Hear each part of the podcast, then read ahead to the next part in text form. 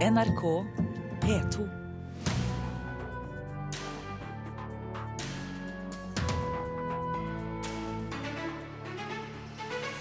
Norsk journalist savnet i Syria over tre år. Fortsatt vet ingen med sikkerhet hva som har skjedd med Mohib al-Nawati.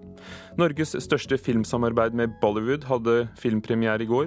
Og Fredagspanelet samles omkring spørsmål om det ekte, Oscar-håp og moteblader. Dette er Kulturnytt i Nyhetsmorgen i NRK. For over tre år siden forsvant den norske journalisten og forfatteren Mohib al-Nawati i Syria. Ingen vet hva som har skjedd med ham. Mye tyder på at han er blitt arrestert. Familien hans, som bor i Stange i Hedmark, gir ikke opp håpet om at han skal bli løslatt. Den første dag når de har kommet til Norge, i Gardermoen. Vi ser på et familiebilde fra en lykkelig høstdag i 2008. 6.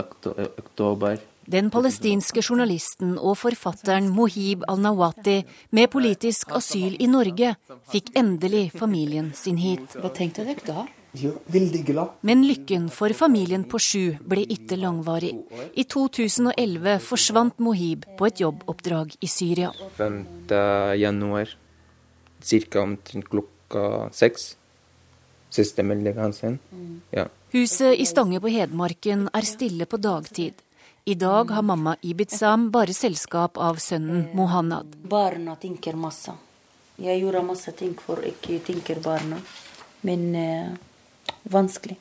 Mye vanskelig. Mohib al-Nawati var journalist i Gaza og en sterk kritiker av Israels okkupasjon. Tre ganger satt han i israelsk fengsel. Han var òg nysgjerrig på Hamas sin framvekst og skrev bok om organisasjonens indre liv. Han, vi, han har reist fra Gaza fordi han har skrevet eh, mange artikler om eh, hva som skjer. I 2006 var han en av flere palestinere som fikk politisk asyl i Norge etter at Hamas kom til makten. Lik, Hamas likte ikke at han skriver rett. I romjula 2010 reiste han til Syria, antageligvis for å jobbe videre med boka si. Dette var før borgerkrigen i landet, og Hamas hadde sitt politiske hovedkvarter i Damaskus. Noen dager etterpå svarte han ikke lenger på mobilen. Jeg bror ringte telefonen for å snakke med han. Look, look. Det eneste vi vet eh, helt håndfast i saken, er at han har reist inn i Syria. Det har vi fått bekrefta. Hva som har skjedd etter det, eh, har vi ikke fått ordentlig bekrefta informasjon om. Men eh, mye tyder jo på at han da er arrestert senere. Sier pressekontakt i UD Frode Overland Andersen. Men familien har fått opplysninger om at han skal sitte i et fengsel for palestinere i Damaskus. Og i januar kom det nyheter om at han skulle være siktet for å være israelsk spion. Det er jo en av de eh, opplysningene som kommer fra tid til annen ut fra, fra Syria, som det ikke har vært mulig å få, få en god bekreftelse på. Denne uka kunne den amerikanske journalisten Peter Theo Curtis takke etter å ha blitt løslatt fra den syriske islamistgruppa Nusra-fronten. Mohanad og Ibitsam blir både glade og triste av å se slike nyheter. Jeg sin mye for fire år. Mannen min er i og ikke, ikke Norge Ikke Norge gjorde mer? Det er vanskelig for oss å bedømme, men vi har i hvert fall gjort uh, så mye vi, uh, vi, kan i saken for å, for å, ta den opp. Men jeg tror alle som ser situasjonen i Syria i dag, skjønner at det er ikke noe lett land å jobbe i for øyeblikket. Har du fortsatt uh, håp om at han kommer tilbake til deg? Ja. 100% skal tilbake. Det sa Ibiza Malnawati til reporter Torunn Myhre. Thomas Spens, leder i Norsk Journalistlag. Hva gjør Journalistlaget for den eneste norske journalisten som er savnet i Syria? Vi har jobbet for å få informasjon om og få løslatt eh, Mohib al-Nawati eh, i flere år. Både gjennom vår internasjonale journalistorganisasjon, International Federation of Journalists, som har egen avdeling som følger Midtøsten og kjenner forholdene godt. Vi har også hatt kontakt med Det palestinske journalistforbundet, som også har gode kontakter inn i Syria. Og vi har hatt kontakt med familien og hadde en markering her før jul med familien, og hvor vi prøver både å informere og engasjere alle som kan påvirke, og alle som kan bidra til å få løslatt og få hjem Mohib så snart som mulig. Ja, Hvem er det som kan påvirke? Fordi Her snakker vi jo om et eh, lukket regime med et hemmelig statspoliti. Ja, det er en veldig vanskelig og veldig alvorlig situasjon. Eh, den viktigste aktøren her er selvfølgelig det norske utenriksdepartementet, som eh, har riktignok forlatt ambassaden eller trukket seg ut av Syria, men som er representert i regionen, og som har vært inne, har vært i kontakt med syriske myndigheter, og som vi må passe på utenfra, passe på at norsk UD opprettholder presset og ber om informasjon. Så har vi som sagt også kontakt med de palestinske journalistorganisasjonene. Senest i sommer jeg var selv i Ramallah og snakket med dem, og tok opp al-Nawati-saken saken og be de gjøre det de kan, og det de er like interessert i selv. Han er palestiner, de kjenner han, og de ønsker å få han frigitt. Tidligere i år ble det altså gitt opplysninger om at han muligens er arrestert og siktet for spionasje. Hva vet du om det? Hvilke opplysninger har du fått? Nei, Vi vet heller ingenting sikkert. Vi har ikke noe eget eh, etterretnings- eller informasjonsapparat i Syria. Men ut fra det som eh, er kjent fra blanding av både offisielle og uoffisielle kilder, så er det ingen tvil om at han ble arrestert 5.1.2011 i Damaskus. Eh, så har syriske myndigheter kanskje ikke 100 for nå skjønner jeg UD er litt, eh, litt uklar på hvor verifisert dette er, bekreftet iallfall tidligere at han ble fengslet, mistenkt for spionasje for Israel og skulle stilles for retten. Men det har ikke blitt noe oppfølging på det, og det er en veldig alvorlig situasjon. Mohib al-Nawati ble norsk statsborger i 2012, og det er jo vanligvis bred pressedekning eh, her til lands når svenske og amerikanske journalister blir tatt eller løslatt eh, fra Syria. Det har ikke stått så mye om Mohib al-Nawati. Hva er din forklaring? Det tror jeg skyldes to ting. Han er ikke født i Norge. Han har ikke det, eh, den familie, det nabolag, den vennekrets eh, rundt seg som norskfødte journalister har. Og han har heller ingen redaksjon. Han har ikke noe NRK eller Aftenposten eller Hamar Arbeiderblad eller hvem det skal være, som har sendt han ut og som tar ansvar for å følge han opp og få han hjem. Slik som de svenske journalistene hadde med bl.a. Aftonbladet. Takk skal du ha, Thomas Spence, leder i Norsk Journalistlag. Nationaltheatret kommer sannsynligvis til å opprettholde samarbeidet med det israelske nasjonalteatret Habima. Det skriver Klassekampen i dag. Samarbeidet med Habima er en del av et internasjonalt samarbeid som har terrorisme som tema, men mange skuespillere ved Nationaltheatret har krevd boikott av det israelske teatret. Tidligere har den palestinske teatergruppen Shiber Hor og britiske Young Wick valgt å trekke seg fra dette samarbeidet. Oslo Arbeiderparti går til kamp mot sidemål i videregående skole, skriver VG i dag. I programutkastet til kommunevalget i 2015 har partiet bestemt seg for å fjerne både sidemålskarakter og sidemålseksamen, og for de fleste i Oslo betyr dette nettopp nynorsk. Høyre er skeptisk til en felleskarakter i norskfaget, og SV sier til VG at Arbeiderpartiet bommer, fordi de som trenger det, kan allerede få fritak. De nasjonale kringkasterne NRK, P4 og SBS Radio ønsker en regionvis slukking av dagens FM-nett. De sier det er for å sørge for god tilgang på DAB-apparater, særlig adaptere til biler, altså de nye digitale radioene.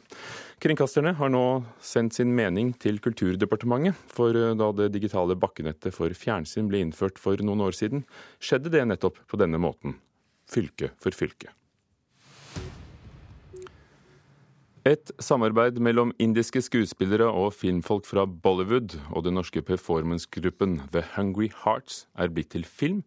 Resultatet hadde urpremiere i går. Filmen 'Life Is A Moment', liv er et øyeblikk, i Operaens lille sal i Oslo. Det blir jubel når Bollywood og norsk filmindustri er på samme røde løper. I går var det verdenspremiere på filmen 'Life Is A Moment'. En film som i norsk kontekst er en film om kjærlighet, men som i indisk kontekst er en film om noe forbudt. Eh, det er en eh, kjærlighetshistorie eh, om to menn, en fra Pakistan og en fra India. Og de møtes på en gay sauna i Norge. Filmen er billedkunstner Tonje Jevjons debut som spillefilmregissør. I fjor sommer flyttet 30 indiske filmarbeidere inn hos henne og kona på Nesodden. Og når de tøyt inn, så skjønte vi fort at vi vet altfor lite om eh, indisk kultur, og de vet altfor lite om norsk kultur. Så alle gikk ut av komfortsonen, mista kontroll og strakk seg i hytt og pine. Men vi er utrolig stolte og glad for at vi klarte å gjennomføre, og at vi sitter med det produktet som vi har i dag. En av de 30 inderne var skuespiller og produsent Yuvraj Parashar. Dette er hans andre film som tar opp tematikken homofili og kjærlighet. Og selv om homofili er forbudt i India, håper han at denne filmen kan være et bidrag til endring. I believe love is love, uh, whether it's like a guy or girl, or man or man, or woman or woman. Kjærlighet er kjærlighet, uansett om det er mellom en jente og en gutt, to gutter eller to jenter. Aksepter filmens budskap og la folk leve som de vil, sier han. Parashar delte sitt håp med Venstres Abid Raja. Han innledet filmen på sin helt egne måte.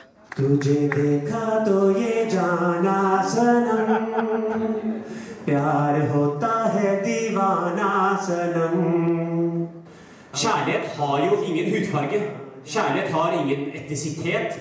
Kjærlighet ser ikke noe seksuell legning. Hvem vi forelsker oss i, og hvor deilig det føles, det er ikke noe vi bestemmer oss for. Det er noe som skjer. Ja, kan kunstnerne forandre noe? Ja, kan, kan man det? Jeg hører ikke. Kan kunstnerne få til noe? Jeg vil jo tro det, da. Historiens største samarbeid mellom Bollywood og Norge fylte en hel sal på Operaen. Filmen, som har fått støtte fra bl.a. Kulturrådet, er planlagt å settes opp til neste år i både India og Norge.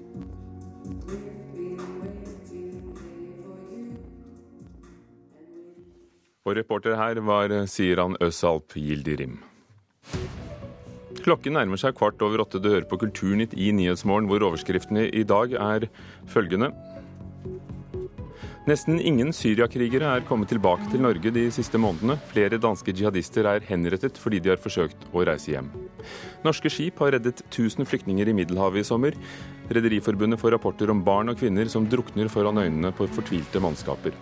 Russlands president Vladimir Putin ber de russiske separatistene opprette en humanitær korridor for ukrainske soldater som er omringet øst i landet. Og her i Kulturnytt er Fredagspanelet samlet. Velkommen, Sara Sørheim, nyslått kulturredaktør i Aftenposten, landets største avis. Takk. Arild Rønsen, redaktør i Puls. Takk. Og Christian Fredrik Wesenberg, også kjent som CF Wesenberg, fotograf. Tusen takk. Første spørsmål. Marit Larsen har et oppkonstruert image, hevder en forsker i en ny doktorgrad. Mange har reagert negativt på dette. Spørsmålet er ganske enkelt. Er musikere tilgjorte? Sara? Ja, selvsagt. CF? Selvfølgelig ja. Arild? ja, det er veldig enkelt å svare ja. Hvorfor er det da så mange som reagerer? For det har kommet hundrevis av meldinger uh, på sosiale medier og i debattfeltene. Jeg vil jo si det sånn at altså jeg, Noen ganger så er det sånn hva, hva, skal ha, hva, skal vi ha, forskere til? Og hvis man forsker på sånne ting som dette Nå har ikke jeg lest hele avhandlinga, men da må jeg si at da er terskelen lav for å bli forsker. For det er klart at altså, musikere skal jo være tilgjorte. Så det skal ikke være, og, og, noen har da et image som at det er liksom OK, jeg er bare meg sjøl. Og andre er helt utagerende Lady Gaga. Ja, men sånn er det innafor all kunst og kultur. Og at dette skal være noe å forske på, det begriper jeg overhodet ikke. Nei, Jeg hadde egentlig lyst til å være positivt innstilt da, til denne avhandlingen. For jeg har egentlig ofte tenkt at det er altfor sjelden at akademikere tar fatt i populærkultur. Så jeg, jeg tenkte, nei, nå skal jeg se, nå skal jeg tenke kanskje bare alt dette her, alle disse negative bemerkningene, er fordommer mot akademikere. Men etter, etter å ha prøvd å sette meg litt inn i dette prosjektet, så følte jeg meg som en sånn Jeg tenkte hva skal vi med universitetet? Og så eh, måtte jeg på en måte jobbe litt med meg sjøl, og så har jeg vel egentlig kommet fram til at han skal ha for forsøket. Det er en god idé å se på Marit Larsens karriere. Den er veldig interessant. Men å bruke tre år på å komme frem til at uh, artister driver med en sånn selviscenesettelse i sitt yrkesliv, det er også nesten parodisk. CF, du er vel en som hjelper på vei som fotograf, bl.a. av artister? ja, det, vi lever jo av å skape bilder, og bilder skal være troverdige. Men det er klart at et bilde skal jo selge. Um, jeg ser på disse bildene vi har printet ut fra oppgaven hans. Ja, har du med. Ja, Eh? Forsidebilder av intervjuer av norske kvinnelige Ja, han har jo studert medie, medie. Han har jo ikke snakket med disse damene i det hele tatt. Altså, han har holdt på i tre år, og det er klart at det er OK, jeg skal skrive en doktoravhandling, jeg skal bruke tre år. Du, jeg finner noen Oi, hun er lettkledd. Jeg tar eh, Hun eh, kan jeg henge på veggen i, i disse tre årene. Nå har du valgt bladet Mann, da. Ja, ja, men det var det han valgte, så jeg printet jo bare ut det som han hadde i sin eh, 212 siders lange eh, doktoravhandling. Men vi kan jo si her, altså På forsiden av bladet Mann er det et bilde av Marion Ravn med halvåpen munn og dådyrblikk. og Hun tar seg litt sånn ømt eh, litt over den ene puppen. Mens eh, det andre bildet av Marit Larsen fra VG, der står hun i et husmorforkle og baker boller på et kjøkken i sånn veldig vakkert, mykt lys. Og det tar vel oss omtrent ti sekunder, kanskje ett sekund, å si at Marit Larsen spiller på sex. Nei, unnskyld, omvendt. Marion Ravn spiller på sex, og Marit Larsen på noe helt annet. Jeg tror jeg hadde satsa på Marit Larsen. Hun virker mest ålreit akkurat på disse bildene, i hvert fall. Men mm, hvis dere legger velviljen til, hva er det han prøver å si? Ehm, han snakker om identitet, uh, på en måte. Arild, hvis du legger velviljen til, sier han ikke noe fornuftig inni der, selv uten å ha lest hele doktorgraden? Nei, jeg kan ikke se at han sier noe fornuftig i det hele tatt. For utgangspunktet er helt feil. Fordi at eh, altså, det, det, det ligger i sakens natur at artister skal være artister. Og da skal de ha et De er nødt til å bygge seg et image på et eller annet vis. Uansett. Han, vet du hva? Han har, jeg syns det er noe interessant i dette, denne materien, fordi han har sett på kvinnelige artister. Og um, Nå har han jo ikke sett på mannlige, og, og uttaler seg derfor at han ikke kan si noen ting om mannlige artister, for det har han ikke forsket på. Det er typisk akademikere. Men på vegne av hans vil jeg si jeg tror hvis han hadde sammenlignet kvinnelige artister med mannlige, så kunne han kanskje funnet ut noe interessant om at kravene til at en kvinne skal på enda, altså at en kvinne skal fremstilles enda mer stereotypt uh, i massemediene. Det kan hende at der, der ligger det noe. Nei, jeg tror kvinners Lenny rom er mindre. Lenny Kravitz har jo ikke noe image. Jo, men det er ikke at menn ikke har image, men jeg tror kanskje kravet til et perfekt image er enda strengere mot kvinnelige artister. Mulig. Men noen kan kanskje egentlig- forske på det. Jeg tror han egentlig, jeg tror altså Jon Mikkel Broch Aalvik han er jo den perfekte PR-rådgiver. Fordi dette er ganske påfallende at dette skjer akkurat når Marit Larsen kommer ut med nytt album. Og i går kveld så hadde det vært 4782 stykker som hadde liket hennes innlegg, som var et fire timer gammelt, hvor hun sier eh, at hun ikke står inne for dette her. Og så er det blitt delt 226 ganger. Jeg delte, da var 227 ganger. Ok, Så nå vet alle at hun har kommet ut med en ny plate. Hun var kjempeglad. Så kanskje det bare er et gedigent du at han er ansatt av Marit Larsen? Ja, tre år siden. Det ville vært den perfekte iscenesettelsen, i hvert fall. Ja, men du skal ikke se bort ifra at, at så smarte går det an å være. Så smarte bør vi kanskje være. Men det er vel ikke Ja. sånn at alle som skriver en doktorgrad om la oss si Dag Solstad, nødvendigvis intervjuer mannen, selv om de forholder seg til bøkene og, og hans eh, offentlige persona? Nei, Det som er litt trist her, er jo at han har eh, kommet frem til en konklusjon som er så åpenbar. Eh, men det er jo ingenting i veien for å se på hvordan eh, f.eks. en artist som Marit Larsen blir fremstilt eh, i mediene. Jeg syns egentlig det er en ganske god idé. Bare veldig synd for både han og Marit Larsen at han ikke kom opp med noe som var litt mer interessant. Så lurer jeg på en ting, om han kanskje har glemt en ting. At altså, M2M de var jo tenåringsjenter. Jeg har to tenår tenåringsbarn selv. Kanskje han har glemt at det er naturlig å utvikle seg for et menneske. Altså en tenåring, og spesielt jenter, er veldig opptatt av å finne sin identitet. Og de sluttet å på en måte slo opp da de var sånn 18-ish. Og det er 18 år siden. Så det er klart at eh, på 18 år altså, jeg mener, eh, vi utvikler oss. Og, og det liksom tenke at en, en mus, altså, Det virker som om han, at han skulle ønske at de fremdeles skulle være M2M. Spiller det noen rolle om en artist faktisk i virkeligheten baker boller i dust lys med forkle på kjøkkenbenken eller ikke? Det er veldig bra om de gjør det, om de lever som vanlige folk. Det er helt flott. Han tror jo ikke på det. Han tror at det der bildet er falskt. Men altså, Vi kan ikke komme her med sånn krav om at alt artister gjør i offentligheten skal være sant og ekte. Bare det er interessant, så er det nok lenge. Interessant, ikke sant. Skal vi gå videre? Jeg er glad du tok med de bildene.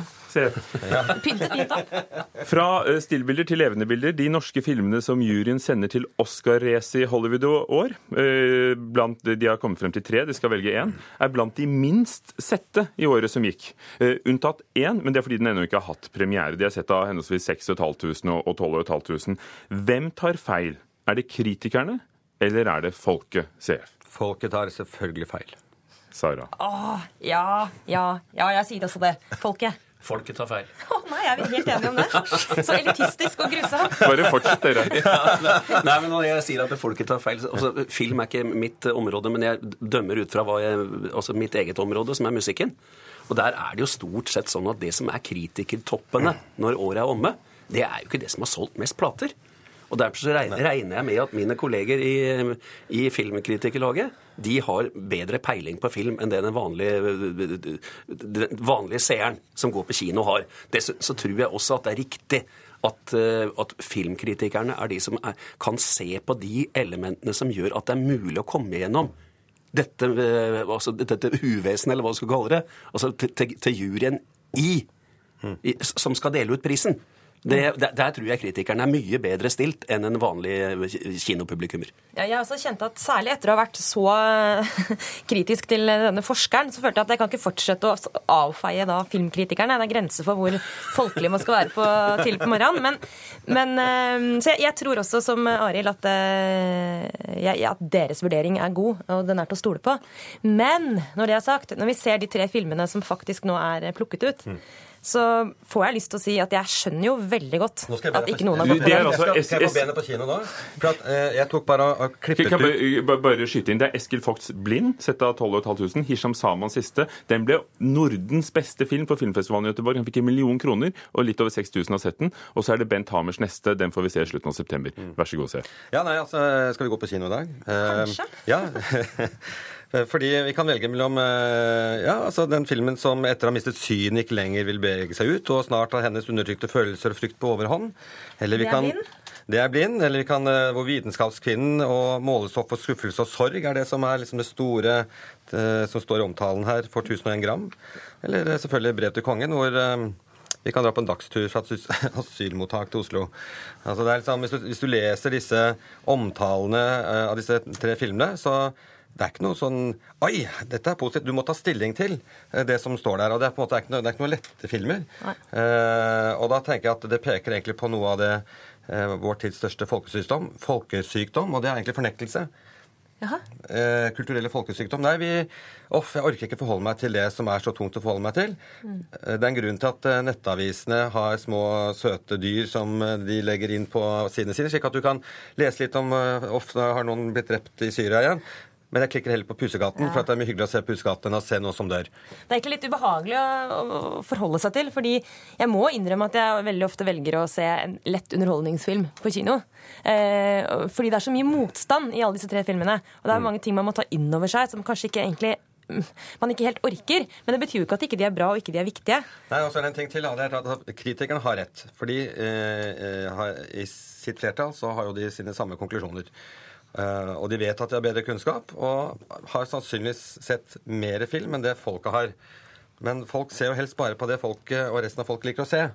Uh, og da er vi inne på at det som er enkelt å lulle seg inn og sitte på kinoen og uh, være litt sånn ja, bli underholdt, rett og slett. da. Slippe å ta stilling til. Jeg så, jeg så fjerde episode av Lykkeland i går. Ja, det er bra, det. Dere, videre. Ja. Motebladet Costume ble felt to ganger i Pressens faglige utvalg denne uken for å ha skrevet både om en venninnes bikinikolleksjon og vist redaktørens egen leilighet idet den ble lagt ut for salg. Motebladene må gå i seg selv, sa en kritiker. Men er det virkelig færre bånd i andre deler av mediebransjen, CF? Ja, spørsmålet burde kanskje Ja eller nei? Ja eller nei? Nei. Nei. Er det, er det færre bånd i andre ja. dere? Ja. Nå måtte jeg tenke meg nøye om hva jeg ikke spurte om, men ja, det er bedre i andre ja. Uh, ja. Mm -hmm. Er det det? Uh, I går var det Aschehougs hagefest, der omtrent alle som skriver om hverandre, uh, sto og drakk vin sammen. Ja, altså Det er ikke vanskelig å utover kvelden i hagen til Aschehoug tenke at det er altfor tette bånd i norsk kulturliv. Ehm, det er faktisk det er veldig åpenbart for alle som, som tar en tur dit. Men, ehm, men, jeg har lyst til å skryte litt av min egen bransje. Det er jo ikke veldig sjarmerende, men, eh, men, det har vært en bra og positiv utvikling i, i norsk mediebransje gjennom mange år, som går på dette med bevissthet rundt åpenhet og habilitet. Og alle kjenner jo til eh, hvordan det var i, i gamle dager, når politikere og journalister hadde hadde altfor tette bånd. Motejournalistikken, motebransjen, ligger rett og slett etter den utviklingen og har ikke kommet like langt i det etiske arbeidet. Jeg tror vi bare må si det så klart. Ja, altså Jeg har jobba i 20-25 år eh, som redaktør i, i musikkbransjen. Og jeg har én gang i løpet av den tida fått påspandert en halv reise, for jeg skulle reise helt til Australia, og Puls hadde ikke penger til det. Utover, utover det så har jeg fått en god del ølbonger, men, men utover det så har jeg ikke, ikke fått noen verdens ting. Og jeg har alltid hatt den praksisen at i stedet for å oppsøke folk når jeg intervjuer dem og spørre om telefonnummeret, så ber jeg nesten om å ikke få dem. For å ikke ha sånne bånd. Nå ser jeg at det koker over, CF. Nei, det koker ikke over. Men, eh, men eh, du har ikke kjøpt CD-platen du har anmeldt? Nei, selvfølgelig ikke. Da Nei, hadde, nettopp, aldri, da, hadde nettopp, da, nettopp. da hadde aldri eksistert en musikkavis i Norge hvis vi skulle kjøpt platene våre. Nei, da, da hadde ingen hadde råd til å lage i- musikkaviser. Og i, altså, avis. Du jobber i avis. Grovt papir. Veldig sånn troverdig og fint. Og så har du de gloss i magasinet på andre siden. Så man bruker gloss for å tiltrekke seg liksom folks eh, generelle altså en oppmerksomhet som liksom, å, det er så deilig og fint å ha liggende og slenge. Men hva er det som skjer i interiør- og motemagasinet? Mm. Altså, jeg har jobbet i, i det som heter Mortensen en gang i tiden. Hvor, eh, hvor vi eh, på slutten av uka hadde sånn utdeling av eh, nips og naps. Eh, ting som vareprøver. Sant? Du, eh, og det er klart at det er forskjell på det som er eh, umoral hos deg, er kanskje moral akseptert i et moteblad. Men faktisk så har kanskje- jo pressen et eget etisk regelverk eh, og instanser som, skal, eh, som vi selv har utnevnt for at skal passe på at vi følger regelverket. Vi gjør det ikke alltid. Det er masse synding mot det hele tiden. Men, eh, men motebransjen og motejournalistikken burde for sin egen del også innføre samme type regler. Du, har- du hadde et ord for dette, du. Nepotisme. Ja. ja, ja, men det er ikke mitt ord. Det er jo bare Altså, den dommen i, som var tidlig i FPU, denne, PFU denne uken her, sånn, var vel kanskje en den første dommen hvor eh, du blir dømt for at du kjenner noen. Nei, nei, nei. Det er en klassisk problemstilling. Unnskyld, unnskyld meg, altså, men, men det, å, så- det å så få CD-er og, og bøker til anmeldelse for at du skal jobbe med dem, er jo noe helt annet enn å legge ut leiligheten sin for salg i sitt eget Nei, magasin. Ja, er og, og, det og, ta, og ta bikinien til bestevenninna på kjøper- 18 hvis sider. Det er jo vidt forskjellige Ja, men ting. Men hvis du kjøper den CD-platen selv Du kjøper en CD-plate. Her, dere. Det resonnementet må folk fullføre selv. Takk, CF Esenberg, Sara Sørheim og Arild Rønsen. Kulturnytt var ved Hanne Lunås, Espen Alnes og Ugo Fermariello. Ha det. Hør flere podkaster på nrk.no podkast.